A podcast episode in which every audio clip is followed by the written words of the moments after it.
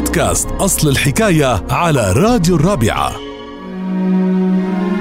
أصل الحكاية لليوم لمثل بينقال ولكن يمكن كتار ما بيعرفوا أصل الحكاية لإله. يقال عن أشخاص مهما غلطوا دايما ذنبهم مغفور. مشان هيك رح نحكي لكم اليوم قصة مثل ابن فرفور ذنبه مغفور. وهالقصة قديمة وقت اللي كان قاضي الزمان بينصب ميزان العدل وبيجلس يوميا للنظر بذنوب المجرمين والمذنبين من المواطنين حتى تسود العدالة. وبأحد الأيام جاء رئيس الشرطة لإله بثلاثة من المذنبين ووقف الحاجب عم بيقدمهم للمحاكمة واحد بعد الآخر. فقال يا حضرة القاضي هذا شبشول ابن فشكول وذنبه إنه ما بيعمل خير وما بيعمل شر وما بيقطع شعره ولا يفلق بعره.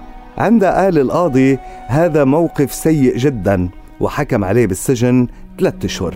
بعدين قال الحاجب يا سيد القاضي هذا عامس ابن طامس.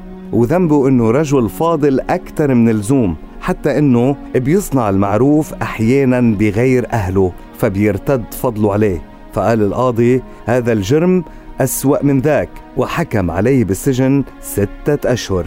بعدين قال الحاجب وهذا يا سيد القاضي فرفور ابن طيفور وذنبه على جنبه فانتبه القاضي وإذا بالمتهم عم بحط إيده على زناد مسدس على خصره. فبلع القاضي ريقه وقال فرفور فرفور ذنبه مغفور اتركوه يروح. ومن وقتها أصبح هذا المثل يجري على كل شفا ولسان وقت اللي بيكون في حدا عامل ذنب وما بتقدر تحكم عليه خوفا منه.